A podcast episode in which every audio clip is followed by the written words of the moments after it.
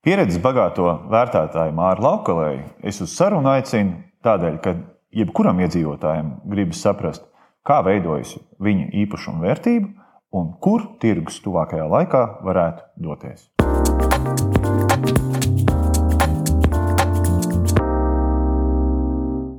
Sveiks, Māri! Labdien! Es teiktu, ka Mārcis Laukalējs tā jau ir preču zīme vērtēšanas nozarē. Cik tu esi savā karjeras laikā novērtējis īpašumus, vai arī cik vērtē, vērtējumus esi parakstījis? Nu, droši vien tādas kopējas statistikas man nav. Te jāizšķir divas lietas. Viena lieta ir, cik es esmu pats veicis vērtējumus kā certificēts vērtētājs, un otra lieta, par cik es esmu nodaļas vadītājs. Tad man ir arī asistenti, kas teiksim, vienkāršākos vērtējumus sagatavo un es viņus pārskatu un, un, un, palaboju. Ja. Tad pats es tā domāju, esmu veicis nu, kaut kur pāris tūkstoši būs. Bet cik es esmu skatījis cauri, droši vien tas tuvotos jau kādiem, varbūt astoņiem, deviņiem tūkstošiem. Nu, ļoti ievērojams skaitlis. Cik gadus tu esi jau vismaz 30 gadus, man liekas, nozarē? Nu, varētu teikt, 25. Jā. Okay. Un, un vēl joprojām, kas, kas ir tas, kas tavā nozarē rada prieku un, un to aizrautību? Kas ir visinteresantākais tavā arodā? Es varbūt sākšu ar to, kā es līdz tam nonācu. Jā. Es pēc specialitātes esmu inženieris celtnieks. Un eh, vēl pēdējos padomju gadus strādāju komunāla projektā par vadošo speciālistu dzīvojamā fonda izpētes jautājumos. Ja? Un tajā laikā mm, vēl nebija denacionalizācija, tātad visi vēsturiskie centra ēkas piederēja nu, pilsētu, komunālām saimniecībām. Un uzdevums bija izpētīt, kādā stāvoklī ir šīs ēkas. Jā, faktiski tas bija pirmais solis, kas man pietuvināja šim nekustamā īpašuma vērtēšanai, jo tādas vēl toreiz nebija tāda specialitāte kā tāda. Nu, es apbraukāju lielu daļu Latvijas pilsētas, jā, vēsturiskos centrus un, un skatījos ēkas, kādā stāvoklī viņas ir, ko tur varētu darīt. Un tādā veidā, tā kā patiesībā sakot, jau ļoti, ļoti sen iepazinu jā, mūsu Latvijas pilsētu vēsturisko apbūvi. Um, un tad, kad um, tika izveidota šī profesija, nekustamā īpašuma vērtētājs, uh, Tad, protams, man tas likās kā turpinājums šai darbībai, jā, un tad nu, es pievērsos tieši nekustamā īpašuma vērtēšanai. Jau. Un jāsaka, tie pirmie soļi, vēl ļoti labi atceros, jā, bija mums ieradušies no Amerikas jā, speciālisti jā, un stāstīja par, par šo vērtēšanas procesu. Jā. Stāstīja arī par viņu prātu nekustamā īpašuma vietām, kas viņu prātu liekas ļoti labas, tādas vērtīgas. Viņi bija nu, kaut kādu nedēļu atbraukuši uz Latviju. Jā. Tur arī ļoti interesanti, jā, kad no tām trim vietām, jā, ko viņi atzina par ļoti vērtīgām, jā, tā, tā, tā bija Meža parks, jā, tā bija Vecrīga, un trešā, kas diemžēl nav īsti pēc viņu plāniem attīstījusies, tā bija Bolderāja, lai cik dīvaini nebūtu. Jā. Tāpēc, kad jūras tuvums vai? Jā, nu, viņi jau skatās, nu, vērtēšanā, teiksim, mēs varam tālāk parunāt par tiem galvenajiem principiem, jā, bet vienkāršais un klasiskais princips visā pasaulē, kas nosaka nekustamā īpašuma cenu vai vērtību, tā ir vieta, vieta un vēlreiz vieta. Jā, tad varbūt arī par pašu o, vērtēšanu kā tādu. Kas ir vērtēšana? Tie ir algoritmi, o, kaut kādas Excel un tā tālāk. Vai vai no kā sastāv vērtība? Um. Nu, te atkal divas dažādas lietas. Jā. Amerikāņi, kas ar to, šo tēmu ir nodarbojušies viscenāk, ir, ir liela bieza grāmata, pāris simt lapas puses, jā, kurā viss ir aprakstīts un kas tiek izdota jau, es nezinu, man liekas, kaut kāds devītais vai kāds izdevums ir šai grāmatai. Jā. Bet tādā vienkāršā valodā sakot, ir trīs pieejas no kurām divas, es domāju, mēs saprotam, jebkurš mēs saprotam ļoti labi. Varbūt trešā ir tāda specifiskāka, bet tā tad, tās ir tā salīdzināmo darījumu pieeja. Tas, ko mēs ikdienā, jebkurš cilvēks, kurš aiziet paskatīties, nu, viņš vēlās iegādāties dzīvokli vai māju, jā, pirmais variants, ko viņš dara, nu, viņš paskatās, nu, cik šādi objekti varētu vispār maksāt tirgu. Ja? Nu, visvienkāršākais tas mums ir SS portāls, ja? piemēram. Ja? Otra pieeja, kas arī labi zinām, tā ir izmaksu pieeja. Tātad, it sevišķi, ja mēs ceļam māju, ja, tad, tad pirmais, ar ko mēs saskaramies, tas ir tāme, ja, celtniecības izdevumi. Ja. Tātad var vērtēt īpašumu pēc izmaksu pieejas. Ja. Un trešā ir ienākuma pieeja. Tā ir, protams, vairāk komerc uzņēmumiem, kurā mēs skatāmies, kā kāds īpašums, kurus taisos būvēt, vai viņš jau man ir, meklēju veidus, kā viņš man var nest lielāko peļņu caur ienākumiem, ko šis faktiski īpašums man dod. Ja? Vai tās ir nomas maksas, vai tikpat labi varētu būt dzīvokļu īres maksas. Tātad, kā, kāds ir atdeves periods, kāda ir atdeves peļņa. Ja? Jā. Bet jā, vēlreiz par, par, te, par šīm trim pieejām. Jā. Protams, ka vērtēšanā uh, daudz ko nosaka Latvijas vērtēšanas standarts. Nu, kopš mēs esam Eiropas Savienībā, tad ar, ar virkni Eiropas regulas. Jā. Respektīvi, ieejot, iestājoties Eiropas jā. Savienībā, atnāca arī līdzi mantojums, kas. Jā. kas Tavā skatījumā uzlaboja vērtēšanas standarts, vai, vai kurā virzienā tas aizgāja? Mums, mums ir tāda ļoti īpatnēja situācija, kad kamēr mēs nebijām Eiropas Savienībā, Latvijas pirmais vērtēšanas standarts, un faktiski tas, uz ko mēs vēl joprojām ar ko mēs darbojamies, ir veidots uz starptautisko standartu bāzes, kas nāk vairāk no Amerikas. Ja. Un tagad ir, protams, spēkā Eiropas vērtēšanas standarts un Latvijas vērtēšanas standarts, kad veidots starptautisko standartu bāzes. Kaut kur dažos punktos atšķirās. Ja. Un, eh, un tagad, protams, ir mērķis, ja, ka veidojot jauno Latvijas standartu, ja mēs mēģināsim ja, tomēr bāzēties uz Eiropas vērtēšanas standartu vairāk.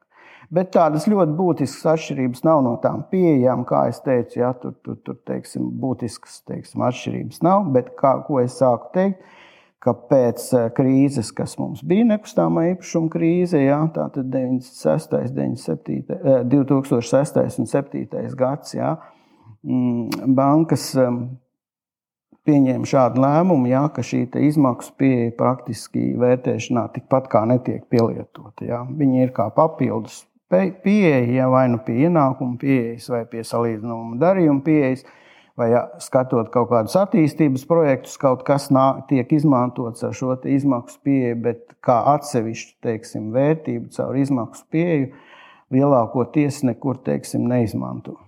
Jā, tas ir arī novērots nu, teiksim, gala lietotāju, jeb šo īpašumu, īpašnieku vidū, kad, kad bieži vien ir izbrīns. Es taču esmu Jā. ieguldījis šī mājā miljonus vai, vai apzeltījis, bet, bet varbūt mājas atrašanās vieta nav tā labākā. Un, un, un tad ir šī nesaprašana, kāpēc es esmu iztērējis naudu, bet patiesībā tas vērtējums nav tik liels, kā es esmu iztērējis varbūt nezinu, ne, neliels komentārs no ikdienas, cik tev bieži nākās saskarties ar šādām teiksim, nesaprašanām vai, vai, vai nu, šo pieeju? Nu, patiesībā sakot, tā ir manas profesijas vislielākā un sāpīgākā lieta. Ja? No pasūtītāja puses, ja it sevišķi tie, kas būvē kaut ko, ja? Izskaidrot, kāpēc mūsu noteiktā tirgus vērtība, nu, it sevišķi pēdējā laikā, teiktu, izteikti jā, ir, ir zemāka par tirgus vērtību. Un, eh, nu, tad vienmēr nākās izstāstīt, cik nu iespējams jā, par šīm te teorijām, jā, dažādām eh, par salīdzināmo darījumu pieeju, par izmaksu pieeju. Un tad man liekas, tas labākais piemērs, kas nu, cilvēkiem liek saprast to būtību, ir tāds, ka nu, Tie, kas ir vecās paudzes cilvēki, zina, kas ir līvāna mājas. Ja? Bet mēs varētu teikt, mums ir arī katalogi ar somu mājām, saucamajām, tātad mājas, kas ir pēc kataloga. Ja? Mājas uzbūvēšanai ir konkrētas izmaksas. Praktiski vienādi. Vai tā būs Rīga, vai tā būs Lūdza, ja? vai tā būs Jūrmala. Ja? Un, ja mēs šādu vienu tipveidu māju uzbūvētu šajās trijās vietās, tad tā tirgus vērtība atšķirtos ļoti būtiski. Ja? Ir skaidrs, ka, piemēram, Ludzā jā, tā tirgus vērtība būtu varbūt nu, 30-40% no izmaksām. Savukārt Jūrmalā, sevišķi, ja tas būs tuvu jūrai, jā, tirgus vērtība būs varbūt divreiz vai pat trīsreiz lielāka nekā izmaksas. Jā. Tas, ko es teicu pašā sākumā, vieta, vieta un vēlreiz vieta. Nu, jā. Respektīvi, tādā tautas valodā, ja es esmu nolēmis pārdot vai iegādāties īpašumus, pirmais filtrs viennozīmīgi varētu būt veselīgā izpratnē ss.com kur tu paskaties, kādi ir piedāvājumi, un arī ne visi ir ņemami. Mēs jau vienmēr skatāmies ar to optimistiskāko skatu. Man ir nu, man vienmēr savs īpašums ir dārgākais, mīļākais, un, un, un tieši tāpēc, ja kāds tur reklamē savējo īpašumu, kas šķietam ir blakus par pieņemsim 100 tūkstošiem, tad nu, manējais jau būs vērtīgāks, manējais būs 120. Bet uh, otrs aspekts, tas, ko tu saki, patiesībā SS ir pirmais filtrs, bet otrais filtrs ir reālie darījumi. Pareizi es saprotu? Jā, nu, man gan jāsaka, ka droši vien ikdienas cilvēkam tikt klāt pie reāliem darījumiem ir grūti. Jā. Uh, nu šeit ir tā, ka uh, laiku pa laikam lielākās nekustamā īpašuma firmas arī teiksim, veido šos te tirgus pārskatus, un kaut kādi bāzes skaitļi teiksim, nāk arī no tiem. Jā. Otra lieta, jā, ir, protams, problēmas ar kaut kādiem attāliem Rīgas rajoniem, kur, kur arī tajā SS portālā, piemēram, piedāvājumā nekā nav. Jā. Un, eh, un, un tad tiešām saprast šo cenu, un, ja tieksim, tiek būvēta māja pilnīgi no jauna, kāda vispār līdzvērtīga tajā, tajā teiksim, pagastā vai, vai, vai pat varbūt visā novadā šāda tipa māja nav. Jā, tad tā vērtība ir nu, tā, nu, kā uz viņu paskatīsies katrs vērtētājs. Jā, vai vai, vai, vai teiksim, ļoti pozitīvi, vai rezervēti, vai pavisam negatīvi. Jā. Starp citu, jautājums. Kā var novērtēt, un vai vispār var novērtēt objektu, kuram nav salīdzinošo datu. Pieņemsim, es izdomāju uzbūvēt pīlī manā dzimtajā pilsētā, Rujanā, bet varbūt ne pašā Rujanā, bet, bet uh, desmit km ārā mežā. Izmaksas būs lielas, bet uh, kā tu varētu novērtēt šādu objektu? Jā, nu, laik pa laikam šādi objekti parādās. Jā, un, un, un, un tas tiešām ir ļoti sarežģīti. Jā, jo nu, tā ļoti vienkārši sakot, ka salīdzināmo darījumu pieejā tas pirmais solis, kas vērtētājiem ir jādara, ir jādomā, kādā segmentā šo objektu skatīt. Jā. Tu pieminēji, nu, teiksim, pīlī, jā. Nu, bet Tikpat grūti mums ir vērtēt arī bieži vien mūžus, kas ir attālos eh, Latvijas novados. Jā. Tad ir skaidrs, ka mēs šeit nesalīdzināsim ar privātām mājām. Jā. E, tas pirmais solis ir izdomāt, ar ko mēs viņu varam salīdzināt. Jā. Jā, te ir daudz dažādas pretrunas. Jā. Mums ir standarts, kas saka, ka kopējās korekcijas nevar pārsniegt piemēram 40%, jā, kas nu, atkal ierobežo to lietu. Jā. Tātad jautājums, cik plaši mēs varam izvēlēties, vai mēs teiksim, ēku, kas ir teiksim, atkal tādā Lūdzes novadā, varam salīdzināt ar Liepājas, Kuldīgas vai kādiem novadiem, jā, kur varbūt arī darījumi būtu. Jā. Cik liela atšķirība ir starp novadiem, jā, jo par atrašanās vietu teiksim, vērtētājs arī liek korekciju. Jā. Nu, jautājumu tur ir daudz, un, un, un, protams, ka ir jāatrod atbildes, jā, bet tādiem specifiskiem vai ekskluzīviem īpašumiem vienmēr būs atšķirīgs viedoklis arī starp vērtētājiem. Jā.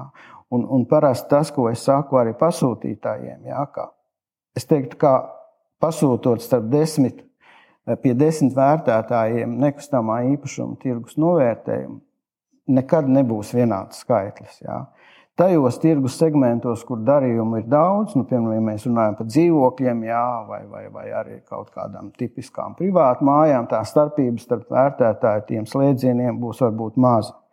Bet, ja mēs runājam par ekskluzīviem objektiem, jā, tad, tad viņa var būt pietiekami liela. Jo tā ir Latvijas specifika. Jā. Ja mēs palasām šīs vērtēšanas eh, grāmatas, mācību grāmatas par to pašu Ameriku, jā, tad, tad skaidrs, ja, ka vienā lielā teiksim, piepilsētas rajonā, kurā pamatā amerikāņi ar būvē teiksim, viena tipa mājas, ja, notiek desmitiem darījumi, ja, un nav nekāda problēma teiksim, viņu salīdzināt, un vērtība būtiski neatšķirsies. Bet Latvijas apstākļos nu, tas ir tiešām liels izaicinājums. Tev uzreiz jautājums, kas ir bijis tavs izaicinošākais objekts? Kur tev vis, visvairāk ir bijis jāpiedomā, kā viņu novērtēt? Iedrīkst tādu jautājumu. Um, nu, tādu es zinu citus objektus, ko es jāsaka, par laimi, varbūt neesmu vērtējis, ka man nav bijis tāds uzdevums, jā, kurā, kurā ir nu, tiešām ļoti liela izaicinājuma. Jā. Bet jā, lielākās problēmas ir, kā es varbūt sāku teikt, ar tām mūžām, jā, ar, ar, ar, ar bijušām mūžām, kas arī var būt ļoti dažādās vietās un, un, un atjaunotas, teiksim, varbūt vienas teiksim, izcilā kvalitātē, kas jau pat nav vairs Latvijas mēroga objekts, un citas varbūt daudz vienkāršākas. Jā. Un tad ir tas, eh, tā problēma, nu, ar ko to salīdzināt. Un, un nākošais jautājums, kādiem mērķiem ir šis vērtējums? Ja tas ir teiksim, pārdošanas mērķiem, tad varbūt tas ir vienkāršāk. Jā, ja tas ir teiksim, paši īpašnieku vajadzībām. Ja tas ir teiksim, finansēšanas vajadzībām, tad tas būs vēl daudz sarežģītāk.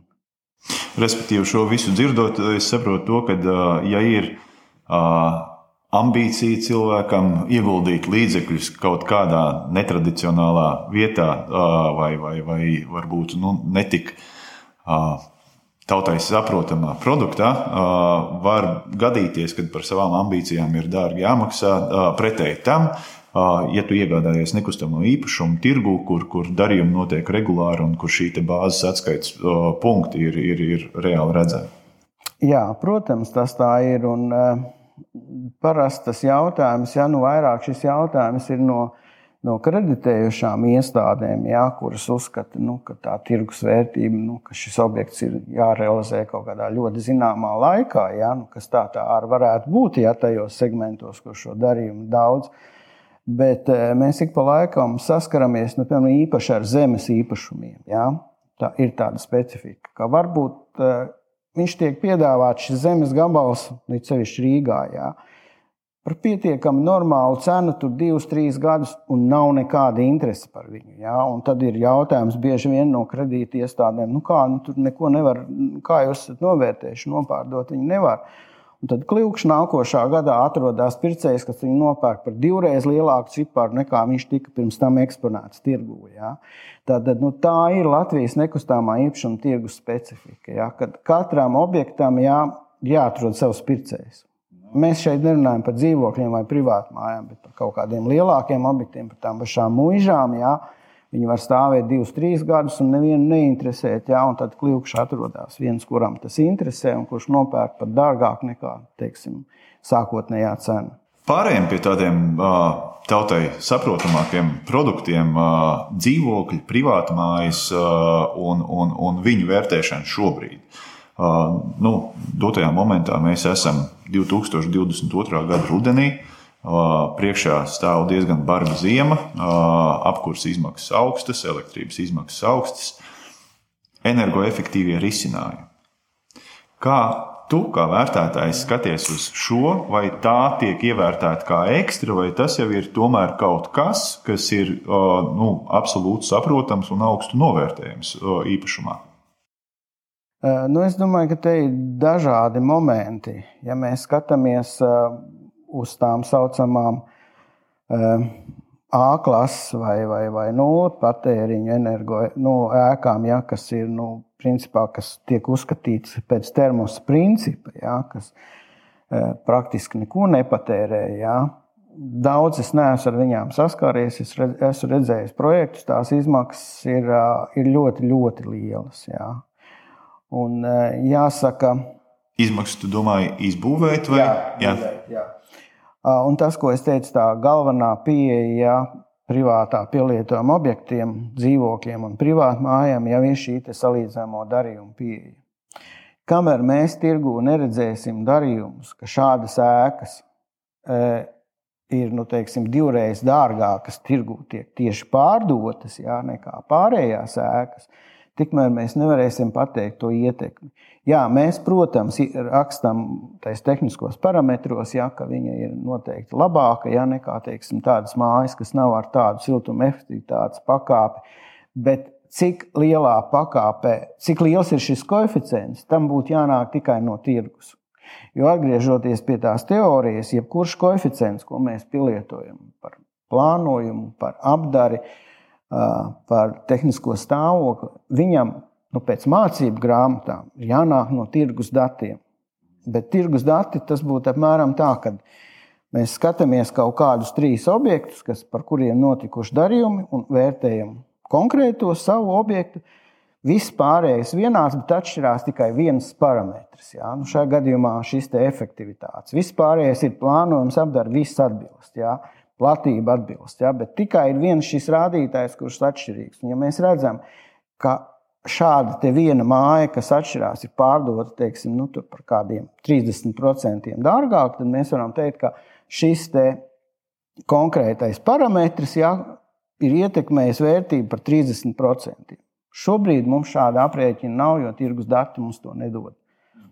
Mēs zinām, ka tas ir labāk, mēs to ievērtējam, bet vai šis koeficients ir atbilstošs tam, tam efektam, to mēs pateikt nevaram. Mēs no savas pieredzes, mēs ar Kāmus esam uzbūvējuši jau pirmo projektu, pabeiguši divi krasti, kas arī bija ar ļoti augstu energoefektivitāti. Veicām salīdzinājumu patēriņam un patiesībā nu, fakti ir forši. Ir, ir nu, vismaz pagājušajā ziemā, pilnu gadu ņemot, divi starp dzīvoklim tikai 5,5% no kopējā maksājuma rēķina ir bijis par siltumu, un, un trīs starp dzīvoklim, par cik viņš ir lielāks tur bija 10%. Bet, uh, nu, godīgi sakot, uh, dotajā momentā būvējot moho, mums ir gandrīz nulles enerģijas ēka. Un, uh, nu, tur šie rādītāji būs ļoti līdzīgi. Un, es teiktu, ka dotajā momentā visas jaunās mājas, dzīvokļu mājas būvējot, mēs ejam tieši tajā virzienā. Un, kā tev liekas, vai tirgus kaut kādā brīdī sapratīs to, un, un, un vai arī vērtēšanas standarts spēs uztvert šos mazākos komunālo maksājumu rēķinus un viņus ievērtēt cenā, vai tomēr tas atkal būs tas ir pircēja lēmums, nevis vērtētāja. Nu, pirmkārt, noteikti pircēji, un tātad, ja tas ir pircēja lēmums, tad ar tais darījuma datos, uz ko balstās vērtētājs. Jo vērtētāja vienīgā, vienīgā maize tie ir šo darījumu dati. Jā. Kamēr mēs neredzēsim to ietekmi caur šiem darījumu datiem, tikmēr, kā jau teicu, precīzi mēs to ievērtēt nevarēsim. Jā. Tas, ka mēs to ievērtējam, un tas, kā arī es pieļauju, zinošs potenciāls pircējs arī to saprot. Jā. Tikmēr tas tiek ievērtēts. Ja. Bet cik lielā mērā tas ir laika jautājums. Jā. Tā pašā laikā man ir jāsaka, ka tas ir viena no nekustamā īpašuma segmenta daļām. Ja? Mums ir skaidri jāsaprot, ka mums joprojām būs darījumi gan ar sēriju veidu dzīvokļiem, mājās, kas nav siltinātas. Ja? Ka mums būs darījumi Latvijas reģionos um, ar, ar, ar vēl pirmskara laika mājām. Ja? Tā tad um, nu, mēs nevaram pieprasīt no potenciālā lietotāja, kad visi mēs teiksim, tas būtu tāpat, kā es teicu, braukt ar automobiļiem Teslas. Jā. Nu, šādu prasību mēs izvirzīt nevaram, un es domāju, ka mēs pat nevaram cerēt, ka tas tā notiks. Bet tas, ka, ka cilvēki, kam, kam ir finansu resursi, ja, un kas domā par jaunu mājokli, noteikti šo lietu ievērtēs. Tas ir pilnīgi skaidrs. Jā. Respektīvi, tu apstrādā datus, ko tirgus tev dod, Jā. un, un šie pozitīvie pircēji lēmumi par labu vienam vai otram Jā. produktam arī pavirzīs vai nu no vienu virzienu vai Jā. otru virzienu. Jā. Nedaudz parotaļājāties ar kristālu bumbu un ieskatoties nākotnē.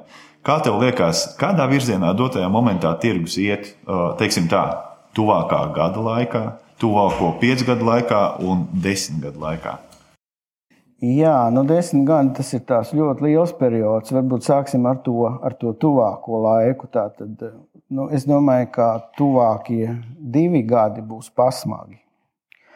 Un, un te tie attīstība dažādos nekustamā īpašuma segmentos visticamāk būs dažāda. Jā. Ja mēs runājam par jaunajiem projektiem, tad šeit es riskus un problēmas neredzu, jo tas skaits pret, pret pieprasījumu ir mazs. Un es zinu, ka daudzi attīstītāji dēļ milzīgām celtniecības būvizmaksām ir pārtraukuši projektu teiksim, ieceres. Ja? Tad mēs redzam, ka pieaugums piedāvājums šajā segmentā īpaši nepieaugs. Bet pieprasījums noteikti būs, jo neskatoties uz visu, mums ir tā jaunā paudze, kas izvēlās jauno segmentu dzīvokļus, jā, viņi tikai iet plašumā. Par otru segmentu, kas ir visplašākais Latvijā, tātad sērija veida dzīvokļu segments, visticamāk, ka šajā gadā un nākošā gadā te būs cenu korekcijas ar mīnus zīmi. Respektīvi, tas, par ko arī attīstītāji nozare jau gadiem runā, kad drīz būs jā, tas brīdis, kad, jā. kad no, no sērijas un, un šeit tas galvenais uh, dzinulis šajā situācijā visnoteikti ir šie energoefektivitātes jautājumi. Tāpēc, ka ja tev, mums ir ļoti daudz, mēs redzam klientus, kas ir turējuši dzīvokļus ar cerību, nu, ka cenas visu laiku pieaug. Jā, viņš man ir tukšs, es viņu neizmantoju, viņš man neko neizmaksā, ja nosacīti. Jā. Es gaidīšu, ka cena uzkāps un es viņu pārdošu. Jā. Un tieši šajā rudenī mēs redzam, ka ir ļoti pieaudzis šo dzīvokļu piedāvājums. Ja pieaug piedāvājums, tad mēs varam prognozēt, jā, ka cena šajā segmentā ies uz leju. Okay, nu jā, tad, respektīvi, jā. tev nav jābūt gaišu reģimam. Tu jā. vienkārši atkal jā. datos balstītā pieejā pie, redzi to, kad, kad notiek šī kustība. Privāta māju celtniecība arī mazliet piebremzēsies līdz ar to privāto zemi, jā, teiksim, darījumu skaits, jo atkal ņemot vērā šīs milzīgās būvizmaksu pieaugumu, ja, nu, ir daudz sapratuši, ja, ka viņi vairs nevar pavilkt teiksim, šo te ieceru savu. Ja, kas, Tā pašā laikā pieaug un pieaugs, es domāju, šo lauku māju darījumu skaits. Ja, Tāpēc, ka daļa cilvēku, ja, kas, kas nu, nespēs vai, vai, vai, vai, vai, vai negribēs dzīvot pilsētā, tomēr pārvācās. Tā jau ir pēdējo teiksim, divu Covid gadu izteikta tendence, ja, kad, kad pieaug interesi un darījuma skaits ar šīm lauku mājām, kur tur ir 2-3 hektāri, ja kaut kāds mežiņš blakus, ja, un kur tu to māju var pakāpeniski sakārtot saviem spēkiem. Tātad šis segments, es domāju, arī attīstīsies pietiekami labi. Nu, par komerci segmentu, protams, ir vissmagāk. Jā, jo bija divi gadi ar Covid, kas ļoti būtiski ietekmēja. Jā. Tur bija ļoti interesanti tā dinamika. No vienas viesnīcām aizgāja strauji viss uz leju. Jā. Protams, tāpēc, ka viesu nav. Viesnīcas un ēdināšanas pakalpojumu iestādes. Jā. Um, tas, kas ir neskaidrs, jā, ir neskaidrs, kā attīstīsies um, Rīgas centrā vispār teiksim, nedzīvojamās telpas veikali. Mēs laiku pa laikam dzirdam šo, te, šo te viedokli, kad eh, Rīgas centra veikali paliek tukši, kad pārdod izīrē un šādi uzraksti ir. Jā. Un, un tur jābūt kaut kādam risinājumam. Un es domāju, ka vienīgais risinājums tas pats ir ar Rīgas centra mājām, kuras mēs redzam, ja, kas stāv tukšas, ja, kas ir atbrīvotas no īrniekiem, bet nekas viņās nenotiek. Ja. Ka te ir jābūt kaut kādai kompleksai pieejai, un, manuprāt, tomēr arī pilsētas atbalstam, lai, lai šāda situācija nebūtu. Ja. Jo, jo attīstītājiem, protams, ir vieglāk uzbūvēt jaunu māju ja, nekā rekonstruēt centra māju. Kā es redzu, tad, tad uh, tu ļoti faktos balstīts skaties uz tirgu, teiksim, īstermiņā piesardzīgi, atsevišķos segmentos varbūt ar bažām, bet, bet teiksim, jaunajos mājokļos ar optimismu. Jā. Un, un, un teiksim, nu, tādā pavisam tālākā skatā, kā tev liekas, tirgus vēl joprojām augšu, augšupējošs, lejupējošs, vai, vai šī te, teiksim, inflācijas tiesa vienmēr audzēs vērtību? Protams, inflācija audzēs vērtību, bet nu, es kaut kā skatos pozitīvi, ka vismaz nu, 5-10 gadu periodā tomēr nu, Latvijas iedzīvotāja labklājības līmenis uzlabosies. Un, ja uzlabojās labklājības līmenis, ienākuma līmenis pieaug, nu, tad ar nekustamā īpašuma teiksim, segmentā, ja nozarē kā tādā kopumā ir jābūt pieaugumam. Jā. Tā kā, tā kā visi mēs gribam dzīvot labākos apstākļos, tas ir. Tātad viss ir tikai atkarīgs no tā, kā mēs šos apstākļus varam dabūt finansiālos. Jā. Bet, nu, es domāju, ka 5-10 gadu laikā tā situācija noteikti uzlabosies. Māri, paldies tev par sarunu! Uh, un tas, ko es redzu, kad, kad uh, šo ziemu izdzīvojam varbūt nedaudz augstāk, bet, bet skats nākotnē ir pozitīvs. Jā, paldies! Paldies! Ar Māri galvenā atziņa uh, ir tā, ka īpašuma vērtība veidojas no tā, kādi darījumi notiek apkārt. Un dažkārt gadās varbūt pārmaksāt par savām ambīcijām, un neviens cits par to nebūs gatavs maksāt. Bet uh, būtiski ir arī saprast, uz kurien tirgus virzās. Un skaidrs, ka uh, tirgus virzās energoefektīvo mājokļu virzienā. Un, un, lai gan arī, protams, būs tirgus nobīdes dotajā momentā, tuvākajā laikā, bet ilgtermiņā skaidrs, ka, ka tas skats ir tikai un vienīgi pozitīvs, jo beig beigās dzīve vienmēr dodas uz priekšu un uz augšu.